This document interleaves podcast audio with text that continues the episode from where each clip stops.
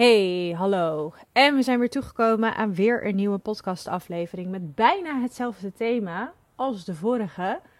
Want het maakt flink wat los. Nou, dat kon ik eigenlijk al weten, want uh, de helft van mijn klanten heeft hier sowieso mee te maken. En ik merk ook wel eens op mijn Instagram of de mailtjes die ik krijg dat dit toch wel echt een van de meeste hot topics is. Hoe met instanties om te gaan als jij dus probeert te scheiden van een narcist, je bent er zelf helemaal klaar mee met pijn in je hart. Je, hebt heel lang het gezinnetje proberen bij elkaar te houden door flink wat water bij de wijn te doen totdat er geen wijn meer over was. En uh, jij dacht, ja, ik ga hier zelf helemaal aan kapot. Of je ziet zelfs dat je kinderen op den deur ook gedisrespect worden. Of je, je kan het niet meer weghouden voor je kids. En je wilt gaan scheiden. En op korte termijn wordt de shit alleen maar erger. En instanties, zonder dat het waarschijnlijk hun bedoeling is, maken de situatie nog erger. Omdat zij met veel te weinig kennis nog honderd miljoen keer met jou en je ex aan tafel willen. Om tot dezelfde conclusies, soms één jaar, soms drie jaar, vier jaar later te komen. Dat hé, hey, er valt eigenlijk niet te communiceren met deze persoon. Hé, hey, we kunnen heel veel afspraken maken, maar deze persoon houdt zich er toch niet aan. Hé, hey. nou ja, alle conclusies die jij al lang getrokken hebt, maar de instanties nog niet. Uh, Um, korte inleiding. Dit is de Loskomen van Narcisme podcast. Ik ben Lot. Mijn bedrijf heet Lot Anne Coaching. En ik help mensen succesvol los te komen van narcisme. Niet dat ze zelf de persoonlijkheidsstoornis hebben en daar los van willen komen. Nee, van andere mensen met narcisme. Partners, ex-partners, werkgevers, werknemers, zelfs hele familie. Systemen waar narcisme heerst. Ook daar willen sommige mensen wel eens los van komen. Ook dat is erg pittig en dat is een understatement. Dus daar help ik ook graag bij. En ik heb ook alles uh, zelf aan de lijve mogen ondervinden. Dus uh, ja, dat. En ik ben coach en psycholoog. Dus ik kan je therapeutisch helpen, maar kan het ook nog eens uit eigen ervaring eh, met je delen. Dus wat mij betreft is dat best of both worlds. Want mijn tip is altijd: als je op zoek gaat naar een professional, zoek dan alsjeblieft iemand die therapeutische ervaring heeft en het ook zelf heeft meegemaakt. Want het therapeutische ervaring mag je goed uit de boekjes leren. Alleen narcisme valt helaas niet uit de boekjes te leren, nog niet voldoende. En trauma en CPTSS weet ook nog niet iedereen. Het wordt niet bij iedere psychologische studie uitgelegd en ook niet bij iedere, nou ja, whatever, coaching, therapeutenstudie ook niet. Dus het is handig als iemand daar ook um, de diepte in is gegaan. En eigen ervaring is ook een, zeker een grote plus, plus, hoor mij nou, plus, plus en pre, een plus. Oké, okay. uh, Um, dus, hetzelfde thema als vorige aflevering, maar ik heb er gewoon nog veel meer over te vertellen. Ik heb er nieuwe gesprekken gehad met klanten. Ik heb een paar reacties gehad in mijn inbox. En ik ben er gewoon op doorgaan uh, nadenken natuurlijk. En ik wil. Nou ja, ik heb niet echt de feedback gehad dat mijn vorige aflevering heel negatief was. Maar ook wel weer een beetje. Uh, maar ja, mijn mening is ook helaas gewoon negatief over instanties. Uh, tuurlijk, uitzonderingen daar gelaten. En please, uh, ik, ik hoop dat ik nog een keer positief verrast kan worden. Maar ja, soms mag je gewoon, en dat is ook herstellen van narcisme, soms mag je gewoon de dingen zien voor wat ze zijn. En soms is het gewoon niet zo mooi. Ja, dan is dat je startpunt. Maar dan weet je, dan ben je in ieder geval niet dingen mooier aan het maken dan dat ze zijn. Of ergens hoop op te vestigen terwijl het super irreëel is. Dus helaas, weet je, je hoeft niet altijd alles te sugarcoaten. Weet je, ik ben best wel goed in sugarcoaten. En ik ben ook heel, een heel goede cheerleader en hyper. En ik ben een heel positief persoon. Ik ben echt een rasoptimist. Maar dat is misschien ook juist mijn valkuil in mijn eigen ervaring geweest. Niet alles valt positief te draaien. Dus soms is het juist een skill eigenlijk misschien nog wel het meest voor de rasoptimisten. Om af en toe ook gewoon dingen die niet werken. Of dingen die gewoon totaal geen kans van slagen hebben. Die gewoon niet positief op te poetsen zijn. Om dat gewoon te gaan zien. Voor wat het is. Dus dat. Dus uh, vorige aflevering ging onder andere ook over de vriend van een klant van mij. Die in de Zoom aanhaakte en die zijn verwondering deelde over instanties en dat zijn vriendin, nou ja, zag gezegd niet echt geholpen werd door die situatie en dat het dus al meerdere jaren duurde. En het mooie was dat ik dus ook in mijn, um, ja, hoe noem je dat? In mijn uh, contactformulier um, ook een reactie kreeg van een vriend van die dus uh, nou ja, de nieuwe relatie was van een vrouw die ook uh, nou ja, door deze vrouw werd ook door het slijk gehaald door haar narcistische ex. Uh, alles wat hij zelf deed werd op haar geprojecteerd. En uh, nou ja, zij zat ook nog midden in die situatie. En hij herkende heel veel narcistische gedragingen bij de ex van zijn nieuwe vriendin. Um, en nou ja, hij had ook heel veel aan, mijn aan de aflevering gehad. Maar hij zei ook van, joh, um, je geeft eigenlijk als advies om op den duur te stoppen met uh, mediation. Maar ja, je doet het toch uiteindelijk voor de kinderen. Um, dus dan, komen de kinderen toch geen steek verder mee. Um, en daar heb ik een mening over. Um, ik ben helemaal mee eens dat het zeer positief is als je van slechte communicatie naar betere communicatie gaat als twee ouders zijnde. En als daar een instantie bij helpt, dan um, ben ik pro, ben ik zeker voorstander. Maar als het duidelijk wordt dat de instantie daar niet bij helpt, um, dan en het leven van een van de ouders substantieel uh, beïnvloed wordt. Deze persoon kampt zelf met psychische problemen die het effect zijn van die narcistische relatie. Nee, het gevolg zijn van die narcistische relatie. Deze ene ouder kampt met complex posttraumatische stress, heeft bijvoorbeeld herbelevingen, triggers, trauma's, zit continu in overlevingsmodus.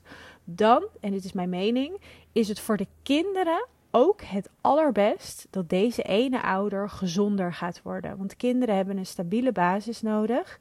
Iemand met narcistische persoonlijkheidsstoornis. Uh, deze ouder is op emotioneel vlak niet equipped. Want dat is dus de ontwikkelstoornis op emotioneel vlak. Is dus een ontwikkelstoornis, narcistische persoonlijkheidsstoornis.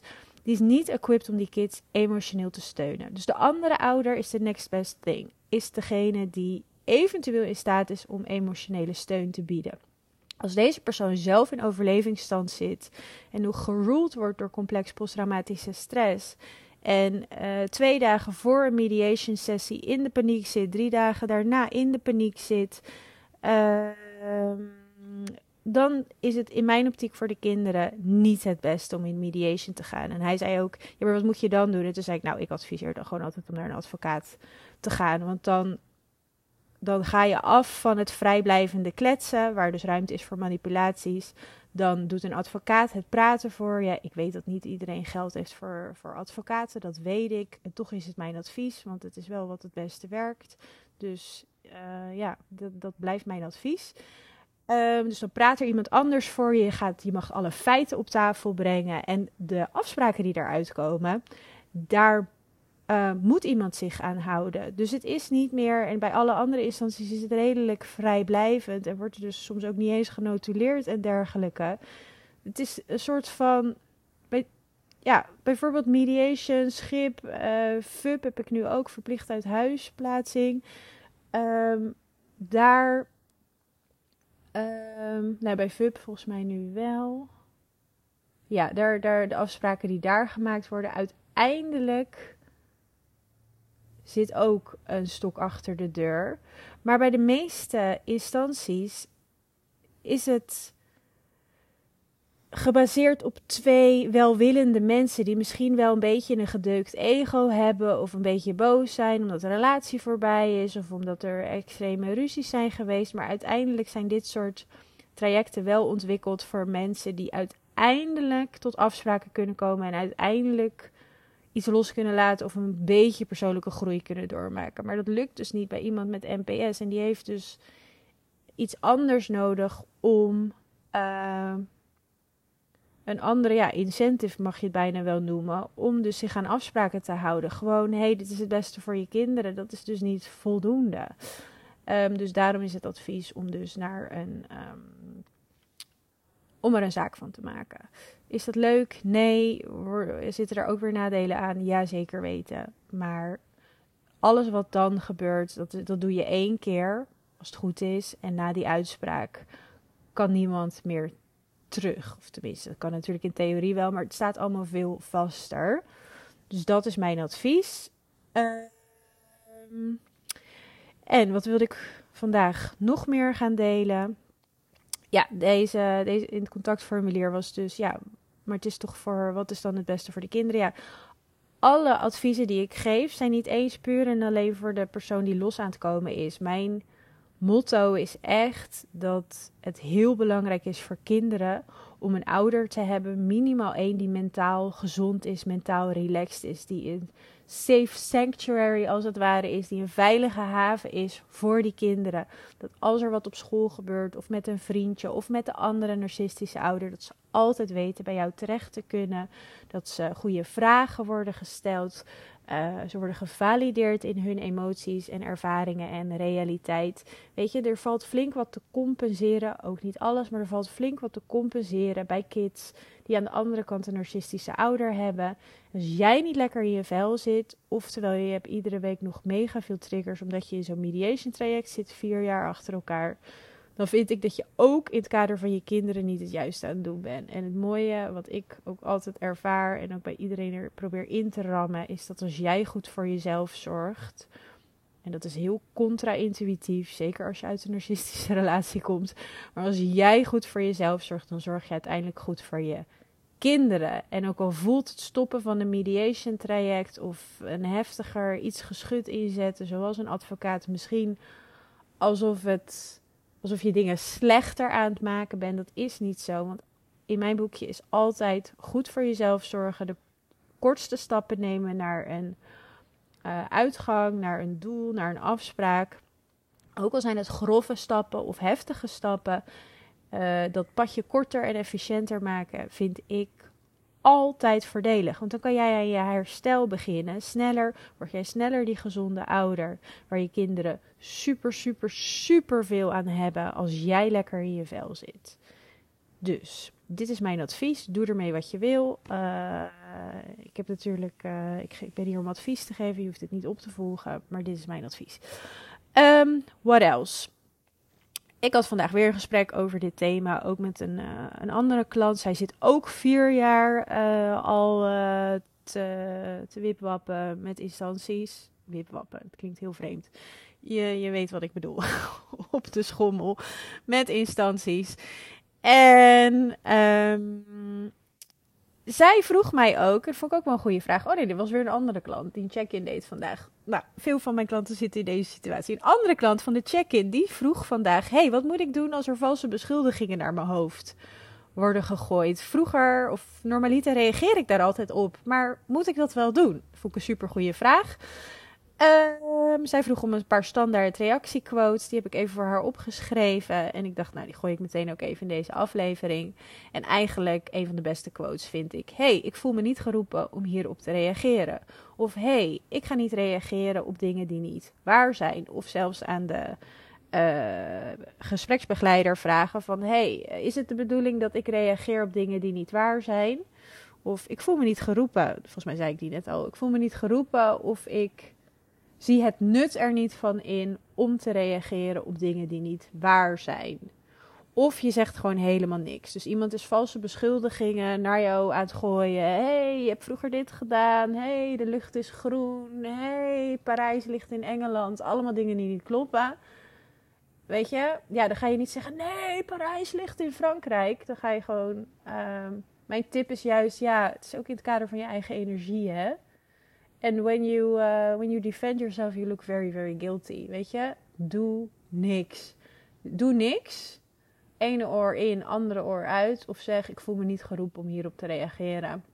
En doe dat bij iedere valse beschuldiging. En soms zal je zien dat er dan weer een nieuwe valse beschuldiging komt. En dan weer een nieuwe, gewoon om te proberen. En dan kan je misschien aan het eind van de meeting voor jezelf bedenken: Oh, ik heb twintig keer gezegd, ik voel me niet geroepen om hierop te reageren. Zeg het gewoon op een monotone manier. Blijf het herhalen. En ja, goed voor jouw energie. Het pinpoint het probleem ook iets beter aan. Want als je inhoudelijk gaat reageren, neem je iemand nog serieus. Hiermee laat je zien: ik sta hierboven. Ik ga niet op valse beschuldigingen in. Uh, en het toont superveel respect voor jezelf. En dat jij weet wat de waarheid is. Want je, ja, nogmaals, je lijkt ook best wel schuldig als jij gaat zeggen: Oh, maar dat heb ik niet gedaan, want ja, zonde van je energie en je lijkt nog bovendien schuldig. Echt onzin. Dus ook vaak iets wat je meeneemt hè, uit een narcistische relatie. Continu jezelf moeten verdedigen voor alles. Ehm, niet nodig. Niet nodig. Niet nodig. Only guilty people defend themselves. Ja, dus dat. Nou, dit geeft mij het mooie bruggetje naar wel het gesprek wat ik vandaag had met een klant. En zij ehm, is sterker aan het worden, ook zeker door het coachingstraject met mij. Wat zij vooral heeft geleerd, en dat merkt ze nu ook in de mediation, is vroeger kon ze niet eens onder woorden brengen wat ze vond. Dus ze zit al 3,5 jaar in mediation en ze heeft nooit haar eigen mening kunnen delen tijdens mediation. En alle andere trajecten die ze gedaan heeft. Maar dat is natuurlijk funest. Dus zij merkt nu dat ze haar woorden begint te vinden tegenover haar uh, huidige relatie, maar ook haar ex-relatie.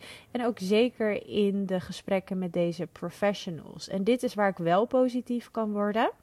Want dit heb ik nu ook al een aantal keer meegekregen. En hier reageren dus ook de hulpinstanties heel goed op. En dit is een heel erg grote open deur. Maar als je loskomt van een narcistische relatie, dan hoeft dit niet het geval nog te zijn. Dus dit kan een mega inzicht zijn, denk ik, voor een aantal mensen die kijken, uh, kijken luisteren. Um, hulpinstanties willen natuurlijk iemand zien, één ouder, liefst twee, maar in ieder geval één ouder zien, die sterk is, die goed voor zichzelf opkomt, die in staat is het schip te sturen, de kar te trekken, beslissingen te nemen, te zeggen: ho, stop, hier niet verder, dit is mijn grens, dit is wat ik ga doen voor de kinderen. En dat is dus um, een bepaalde uh, modus die je verleerd bent, waarschijnlijk tijdens een narcistische relatie. Want daar ben je getraind om geen eigen mening te hebben, om altijd met de wind of de stroom mee te gaan, om niet je eigen mening te verkondigen. Dus dat is waarschijnlijk iets wat verleerd is. En als jij dus direct uit een narcistische relatie zo'n hulpverleningstraject ingaat en jij zit daar aan tafel en je hebt letterlijk de woorden niet. Hè? Veel van mijn klanten die kunnen pas na zo'n sessie hun mening gaan bedenken. En dan kunnen ze nog niet eens de woorden eraan koppelen. Dus in het begin van een Los met Lot traject ben ik soms nog heel erg aan het trekken op wat vind je hiervan. En uh, het gevoel of de mening naar boven halen is één. En dan de woorden vinden nog eens. Dus gewoon een ongetrainde spier is gewoon twee. Dus wat je merkt, wat ik nu ook bij meerdere klanten heb gemerkt, is dat ze beter beginnen te voelen wat ze vinden. Wow, dat mag opeens. Je mag ergens wat van vinden. Je mag wat ervaren. Nou, dat is één. Twee, ze gaan, en dat gebeurt soms heel hakkelend in het begin. Dus dat vind ik, ja, ik ben niet sadistisch, maar ik vind dat heerlijk om te zien. Zo van, dat iemand echt de woorden begint te vinden. Het is alsof een babytje de eerste keer uh, aan het lopen gaat. De woorden begint te vinden om te verwoorden wat je vindt. Nou, super mooi als, dat, als die skill weer geïnstalleerd wordt. Dus op den deur begint iemand zeer bekwaam te worden in te zeggen: ja, maar dit vind ik. En ik kan daar ook nog even wat argumenten voor geven. Argument 1, 2 en 3. En iemand wordt dan langzaamaan heel uh, gemakkelijk in de eigen mening te verkondigen. En nou, in mijn geval, ik coach vooral vrouwen, die staat dan helemaal voor haar mening. Die straalt uit dat ze het helemaal oké is met haar eigen mening en haar eigen standpunt. En dat, dat, dat ze wil wat ze wil. En dat is natuurlijk, of tenminste, dat is ook wat heel veel hulpinstanties uiteindelijk willen. Dus dit is denk ik een hele goede tip voor veel vrouwen en denk ook wel mannen. Um, die denken bij hulpinstanties soms dat het hun volgende narcist is en dat ze vooral um, hoofdje naar beneden en ja en amen moeten doen. Maar dat is in ieder geval wat goede hulpinstanties natuurlijk, uh, of denk ik dan. Die gaan denk ik wel voor autonomie en een sterke ouder. Die willen dat helemaal niet. Dus pas op dat je niet in je oude patroontje valt. Oh, begint even te drinken. Ik weet niet of je dit hoort, mijn hond. Um, dus val niet in het oude patroon van ja en amen. En soms denk ik ook, misschien blijven daarom wel mijn klanten vier jaar uh, zitten. Omdat ze soms ook niet eens aan de bel trekken van hé, hey, we gaan nu stoppen hiermee. Of er moet iets gaan gebeuren. Uh, dus mijn klant gaat morgen een mail sturen naar de hulpinstantie met haar conclusie en haar mening van hey, volgens mij hebben we vier jaar lang genoeg geprobeerd. Ik uh, denk dat we het onderste uit de kan hebben. Ik merk dat uh, dit mijn verwerking in de weg staat. Uh, ik stel voor naar parallel ouderschap te gaan. Dit en dit zijn de eigenschappen van parallel ouderschap. Waarom is dit in het voordeel van mijn kinderen? Om A, B, C, D, E, F, G. Daar had ze super goede. Um, ja, hoe noem je dat? Argumenten voor dat parallel ouderschap echt het voordeel is van haar kids. Um, en ze wist zelf ook al, want die hulpinstanties zijn al vier jaar bij haar en haar ex gekoppeld. Die, wist, die had zelf ook al het gevoel dat de hulpinstanties ermee eens zouden zijn. Want die hebben al heel vaak gezien um, hoe ook haar ex in elkaar zit. Dus dat het best wel een open deur zou zijn. Dat het heel logisch is dat het juist ook voor de kinderen verstandig is om naar parallel ouderschap te gaan. Nou ja, om een klein beetje de details in te schieten haar ex laat raakt nogal getriggerd als ze haar ziet. De narcistische ex raakt dus nogal getriggerd als ze mijn klant ziet. Um, en wordt dan boos. En dat is heel onhandig voor de kinderen. Dus um, het is in ieders voordeel en zelfs in het voordeel van haar ex als ze meer afstand van elkaar nemen. Want dan raakt haar ex ook veel minder getriggerd door haar. Um, en nog uh, heel veel andere voorbeelden, ook letterlijke voorbeelden waarom het dus voordelig is voor de kinderen. Dat er dus minder contact komt tussen beide ouders. En dat als ze los zijn van elkaar, dat de kinderen door beide ouders gewoon goed worden verzorgd. Uh, op het praktische vlak.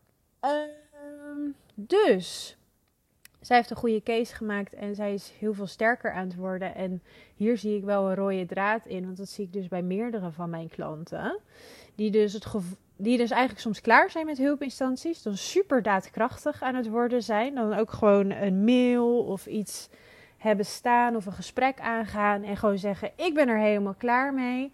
Ik uh, denk dat ik zo en zo het beste voor mijn kinderen en voor mezelf kan gaan zorgen. Dat heeft die en die beweegredenen. En ik heb dus ook wel eens meegemaakt, en het is dus eigenlijk heel positief, ook naar hulpinstanties. En dit is dus eigenlijk where you can create the solution, where you maybe are a little bit the problem. Waarin jij dus als uh, ouder die los probeert te komen van narcistische ex, een super stevige um, imago kan gaan neerzetten. Wel echt natuurlijk, het moet niet nep zijn, maar super vanuit jezelf, vanuit je tenen, goed over nagedacht over dingen. Misschien zelfs een plan aandragen, nog beter. Dat toont nog meer autonomie en um, daadkracht. En um, vertrouwen vooral voor die hulpinstanties. Dus meerdere van mijn klanten hebben dit op de deur gedaan. Vaak grappig genoeg vanuit de motivatie dat ze helemaal klaar ermee waren. En wat meerdere klanten van mij dus van die hulpinstanties als feedback hebben gekregen. Nou, tromgeroffel. Dat was, oh, we zijn zo blij om jou nu zo te zien. Dus die hulpinstanties, die waren eigenlijk altijd op zoek naar een heel assertief persoon in jou. En dat is soms de ja, katalysator naar dat ze jou vertrouwen en dat jij bijvoorbeeld krijgt wat je wil of um, ja, bepaalde afspraken. Um, en dat ze jou iets meer regie gaan geven. En dat is dus heel vaak wat hulpinstanties, en daar kan ik me volledig in vinden, ik denk dat het ook een goed iets is, waar ze naar op zoek zijn. En dat jij dus superveel volwassen gedrag en ook grenzen laat zien van tot hier en niet verder. Ik laat me niet meer disrespecten, dit heeft geen zin. Um, we gaan of deze afspraken maken en die persoon gaat zich eraan houden. Ik zeg nu maar iets. Of ik vertrek. Of ik ga niet meer hierin. En er zijn dus heel veel. Um, um, er zijn wat voorbeelden die ik je kan geven, dat dat dus uiteindelijk voor het meest positieve resultaat heeft gezorgd. En nogmaals, als jij getraind bent om altijd maar geen mening te hebben, en bij instanties. Uh, bang te zijn wellicht ook voor instanties of te denken dat je maar mee hebt te werken. Soms is juist het tegenovergestelde waar in de zin van nadat ze hebben gezien dat je een goede ouder bent natuurlijk. Ik zou niet met een gestrekt been de eerste sessie al ingaan. Nou ja, assertiviteit is nooit wat mis mee, maar ik zou in het begin zeker wel meewerken. En dan nou ja, eigenlijk net als wat ik in de vorige podcastaflevering zei, vooral veel feiten te delen. Veel dingen die echt gebeurd zijn, die het liefst ook echt kan bewijzen. Dan op den deur wel echt de conclusie te trekken van hé, hey, dit gaat niet werken. Um, dit is waar ik de lijn trek. Um, ja. Dus um, ja, en dan nog een allerlaatste tip. Mijn klant van vandaag, die uh, heeft dus een mail gestuurd. Die zei, joh, ik denk dat dit het hoogste haalbaar, het meest haalbare is. Uh, en toen zei ik ook van wat je ook kan doen bij instanties, is om ze even na te laten denken. Dat heb ik ook in de vorige aflevering al gezegd stel soms ook gewoon super goede vragen. En ik heb hier ook een vraag aan haar gegeven die ook een beetje, ehm, hoe noem je dat? Vlijend is. Naar, of vlijend. Het is niet eens vlijend. Het is iemand op zijn professionaliteit te wijzen of op zijn deskundigheid. Um, het is ook wel een beetje vlijend. Dat werkt ook altijd, toch? dat je dan zegt, uh, dat heb ik tegen mijn klant gezegd, van stuur ook in die mail mee van wat is jullie professionele mening over mijn ex? Denken jullie vanuit jullie professionele, weet ik veel, visie, jullie expertise, um, dat hier nog uh, ja, verandering mogelijk is? Of, oh ja, een ander ding. De hulpinstanties vonden het een heel goed signaal dat haar ex um, ja, het was dan het doel, ga met persoonlijke groei aan de slag. Nou, mijn klant heeft dat gedaan. Die is onder andere met mij aan de slag gegaan en die doet nog meer dingen. Die heeft ook een assertiviteitstraining gehad en nog een paar dingen. Dus dat is echt te bewijzen dat zij met zichzelf aan de slag gaat. En haar ex heeft dus een aantal e-learnings gedaan. Nou ja, een e-learning, ik weet niet of je weet wat het is, maar je kan net zo goed die video's aanklikken en uh, wat woorden in de huiswerkopdrachten schrijven. En je hebt een e-learning gedaan. Dus de, deze hulpinstantie vond het in het begin ook erg uh, te spreken voor haar ex dat zij ook met persoonlijke groei aan de slag is gaan. Dus toen zei ik ook tegen mijn cliënt van ja, kets dat dan ook weer terug aan hen en zeg dan ja, het is heel fijn dat mijn ex daarmee aan de slag is gegaan, maar wat zie je dan qua veranderingen bij mijn ex? Zijn er inzichten gekomen? En zo ja, welke? En vraag dat dan even aan mijn ex. Weet je, dus stel gewoon goede vragen, want ja, deze ex is natuurlijk super trots. Of trots, ik weet het niet. Die vindt het heel handig dat er e-learnings gedaan zijn. Alleen ja, als er niet opgelet wordt of wat gedaan wordt met de dingen die in die e-learning staan, er worden geen inzichten verkregen, dan ja. Dus dat was ook een vraag van. Uh, nogmaals, je hoeft het werk van hulpverleners niet over te nemen, maar je kan ze natuurlijk ook de vraag stellen: hey, als deze persoon met zichzelf aan de slag is gegaan, dat is natuurlijk top als je een meeting hebt gepland met een psycholoog of je hebt een e-learning aangeschaft. Maar wat is daaruit gekomen? Zeker omdat mijn cliënt inmiddels al een lijst van 20 dingen heeft qua inzichten over haarzelf, die ze zelf al heeft veranderd. Ze echt kan laten zien in gedrag. Dat ze veel volwassener geworden is, nog een betere moeder is voor haar kinderen. Dat ze er ego aan de kant kan zetten. Dat ze kan communiceren. Dat ze kan incasseren. Dus ik heb haar ook gezegd: je mag daar dan ook echt scherp op zijn. hey, gebeurt dat aan de overkant ook? En helaas, vlek dan maar zelf dat jij vooral aan die persoonlijke groeiknop hebt gedraaid en die ander niet. Helaas dat jij ze dat moet bijspijkeren. But het is niet anders soms. Dus Weer een iets mildere podcast, hopelijk over de hulpverlening. Weet ook dat niet alleen de hulpverlening uh, de bed kan zijn aan het niet slagen van een traject, maar ook jij. Zeker als jij in je codependent, ik durf niks, ik kan niks, ik blijf een robotje en ik doe alles wat een instantie of een ander mens zegt. Als je in die fase blijft zitten. Dus word juist autonomer en soms zijn hulpinstanties dan super blij daarmee. Ik hoop het. En dan vertrouwen ze jou veel meer als ouder. En krijg je daarmee, nou ja, de rechten of de privileges ten opzichte van je eigen kinderen. Ze vertrouwen jou dan als verzorger meer toe. Wat best wel logisch is natuurlijk. Dus dat. Dat zijn al mijn tips. Ehm, ik wil jou nu even uh, op de hoogte brengen van een gratis masterclass die ik volgende week ga geven. Ik ga hem maandagavond geven om half acht. Hij duurt pak een beetje anderhalf uur. En als die tijd niet kan, dan geef ik dezelfde nogmaals woensdagochtend, dat is 29 maart, woensdagochtend om 11 uur. En die duurt ook pak een beet. 90 minuutjes. Wat gaan we daar doen? Daar gaan we het over narcistische relatie hebben. Niet per se uh, over het thema waar we het vandaag hebben. Dus echt als ouder met een narcistische ex en hoe kom je daar los van. Dus niet echt op het ouderstukje, maar we gaan alleen inzoomen op jij mentaal zelf. Dus wat doe je met jezelf als je loskomt van een narcistische relatie of wil komen? Dus ook uh, als je toch nog te vaak bezig bent met deze ex-relatie, wat kan je mentaal dan doen met jezelf? Hoe uh, ziet het traject van loskomen eruit?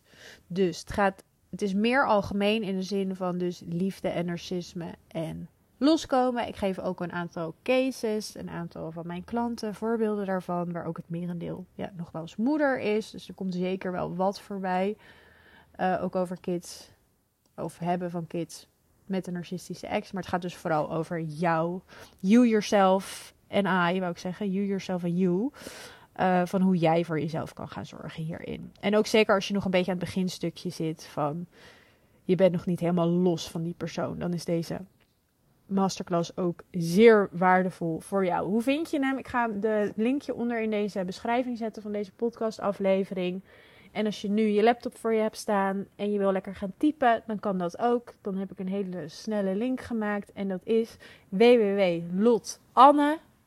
Lot Anne gewoon aan elkaar. L-O-T-A-N-N-E.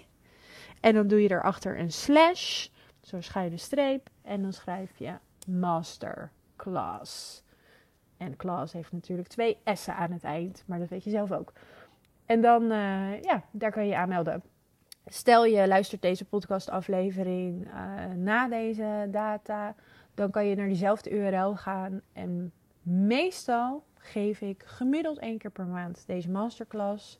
Of misschien tegen de tijd dat jij hem luistert, een jaar verder, geef ik al een nieuwe masterclass. Dat kan ook, geen idee. Uh, maar dan kan je gewoon weer aanmelden.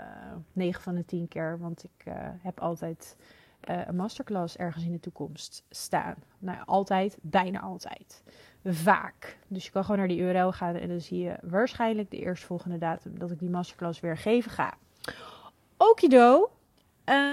Ehm, dus komende week gaan we hem in ieder geval nog hebben over liefde en narcisme. Dus super leuk als je daarbij bent.